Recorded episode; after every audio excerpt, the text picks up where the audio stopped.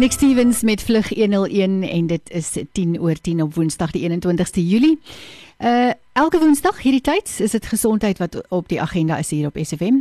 Vandag meer spesifiek die gesondheid van jou tande en jou mond in die algemeen. Ons gas in die ateljee moet dan natuurlik 'n tandarts wees. Dis Dr. Anel Pretorius en sy se tandarts by Baycare in Hartenbos. Goeiemôre, baie welkom Anel. Goeiemôre. Is dit nou nodig om die tandarts te besoek um, net wanneer jy tan jou tande seer is want ek dink dis wat meeste van ons doen. Ons wag tot dit seer is en dan wag ons nog so 'n dag of 3 en kyk of ons dit regtig moet doen en dan gaan ons tandarts toe. So is dit hoe 'n mens jou tandarts besoek of moet 'n mens dit dalk maar 'n vaste instelling maak om by die tandarts uit te kom? 'n Mens is eintlik veronderstel om elke 6 maande die tandarts te besoek, maar in vandag se tyd is dit nie altyd moontlik nie.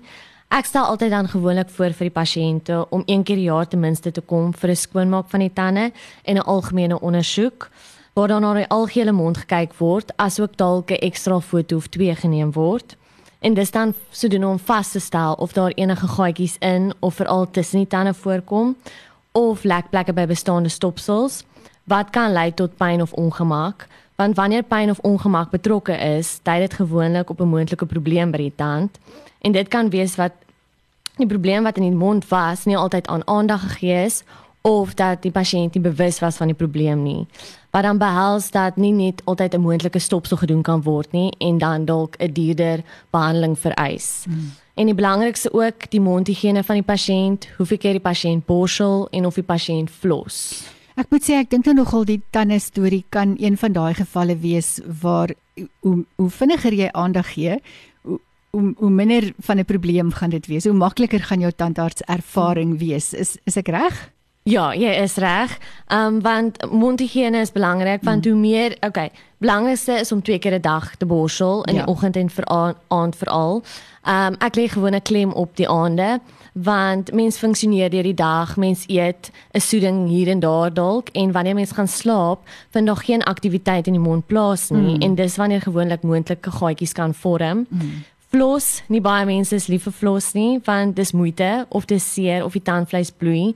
Maar hoe meer gereeld geflos word, hoe minder bloei die tandvleis en hoe minder seer raak dit. Uh dit help ook om voorkom dat gaatjies tussen die tande gevorm word asook gesonde tandvleis. Hmm. Ek sê gewoonlik vir die pasiënte, floss moet 'n gewoonte raak dat mense op die ou end nie sonder dit kan gaan nie. Ja, inderdaad, want ek meen ek ek dink dit kan vir jou baie moeite en pyn spaar op die uiteinde.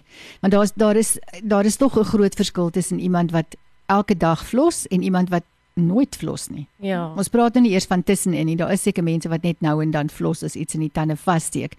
Maar eh, sien julle dan daar 'n groot verskil is tussen hierdie twee groepe mense? Jy kan dit sien want ehm um, jy kan gewoonlik as jy flos deur dit dan sit die wat nie flos nie die tandvleis bloei makliker en vinniger mm, mm. en dan ook sekere mense het meer geneigtheid om dan gaatjies tussen die tande te kry mm. en veral ook wanneer daar ehm um, stopsels tussen die tande is is dit om te voorkom want hulle het 'n geneigtheid om dan gaatjies onder die stopsels te maak Ooh, ja. dat mens moet flos om dit skoon te hou daai area ja. vir ek sê gewoonlik vir pasiënte al kan jy net elke tweede dag ehm um, jy hoef nie ten minste elke dag nie dat jy op die ouend gaan agterkom jy wil nie sonder dit nie. Hmm, dit maak 'n verskil as jy dit as jy geflos het of nie geflos het. Ja, te doen. Dis Brian McFadden wat gaan musiek maak, Pull Myself Away en dan gesels ons verder met Dr. Anel Pretorius, sy's 'n tandarts hier van Baycare in Hartenbos. Dis Brian McFadden Pull Myself Away en is 17 minute na 10. Ons gas in die ateljee vanoggend is tandarts Dr. Anel Pretorius en sy's by Baycare daar in Hartenbos. Uh, ons het nou gepraat oor 'n bietjie algemene mondhigiëne en gesondheid, maar 'n mens moet eintlik vroeg begin. So wanneer moet jy jou kind vir die eerste keer tandarts toe neem? Gewoonlik stel ons voor wanneer 'n kind begin tande kry of voor hul eerste verjaarsdag, ook sodoende dalk hul tweede verjaarsdag.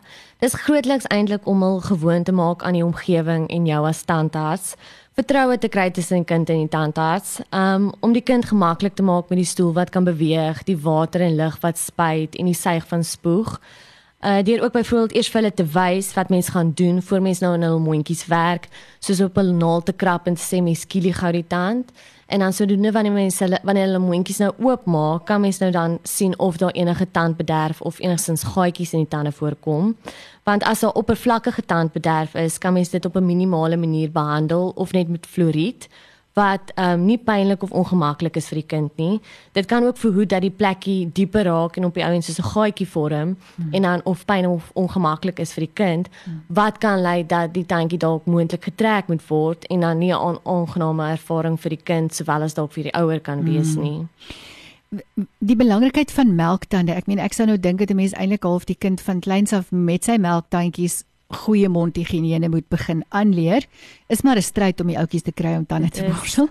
maar hoe gouer hulle dit leer, hoe beter kan hulle na hulle permanente tande kyk. Dit is so, want 'n uh, melktande, melktande is belangrik want dit help met die spraak en ontwikkeling, help met die uitspraak van woorde om te eet en te funksioneer. Ehm um, dit help dat hulle kos kan fynkou, want wanneer 'n tandjie pyn en gaatjies in het, dan wil kinders gewoonlik ook nie eet nie. Selfvertroue, kinders is gewoonlik eerlik en kan vinnig uitwys as iemand se tandjie swart is of gaatjies bevat en kan ook al asempies en laat lekker ruik nie. Hmm. En dan dien dit ook die belangrikste as 'n spasiehouer vir permanente tande wat moet uitkom. Ja. So ehm um, ja dit is maar dit is maar een van daai dinge hoe gouer ons dit gewoond raak hoe beter. Ek moet sê ek het 'n lang geskiedenis met tandartse en hulle was altyd baie mooi met my van kleins af. So dis belangrik. Ja, dit is inderdaad so. Ons gaan 'n handelspreek neem en dan sit Corneille Pretorius uh, met vergewe my.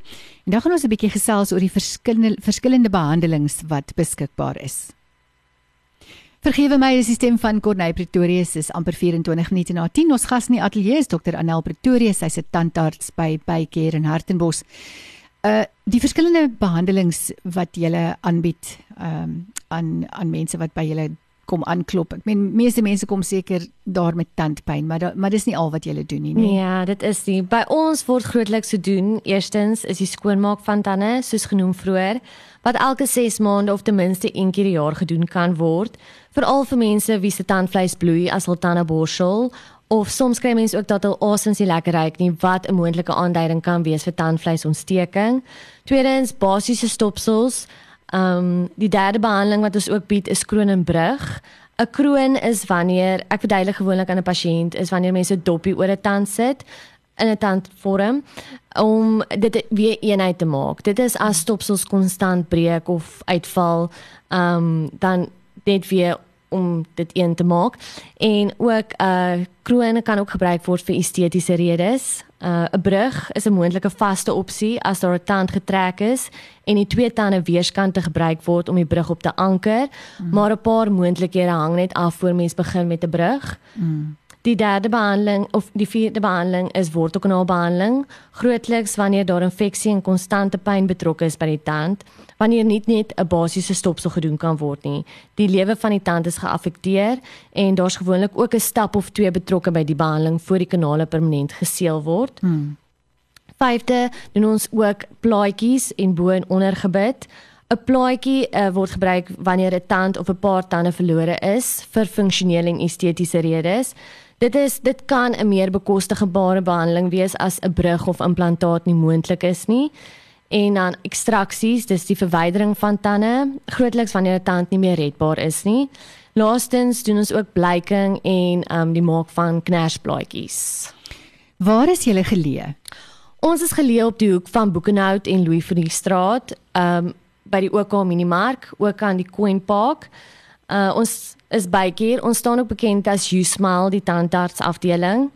En ons kontaknommer is 044 692 0049 of afsprake kan ook gemaak word aanlyn verniet op die One Book app. Net gou weer daardie nommer verbykeer, dis 044 692 0049. Baie dankie. Ek hoop daar is 'n paar mense wat nou sommer vandag 'n afspraak gaan maak want 'n mens vergeet mos ook baie keer van dit, né? Dis doen. Baie dankie. ja, voorkoming is uh, altyd die heel beste ding.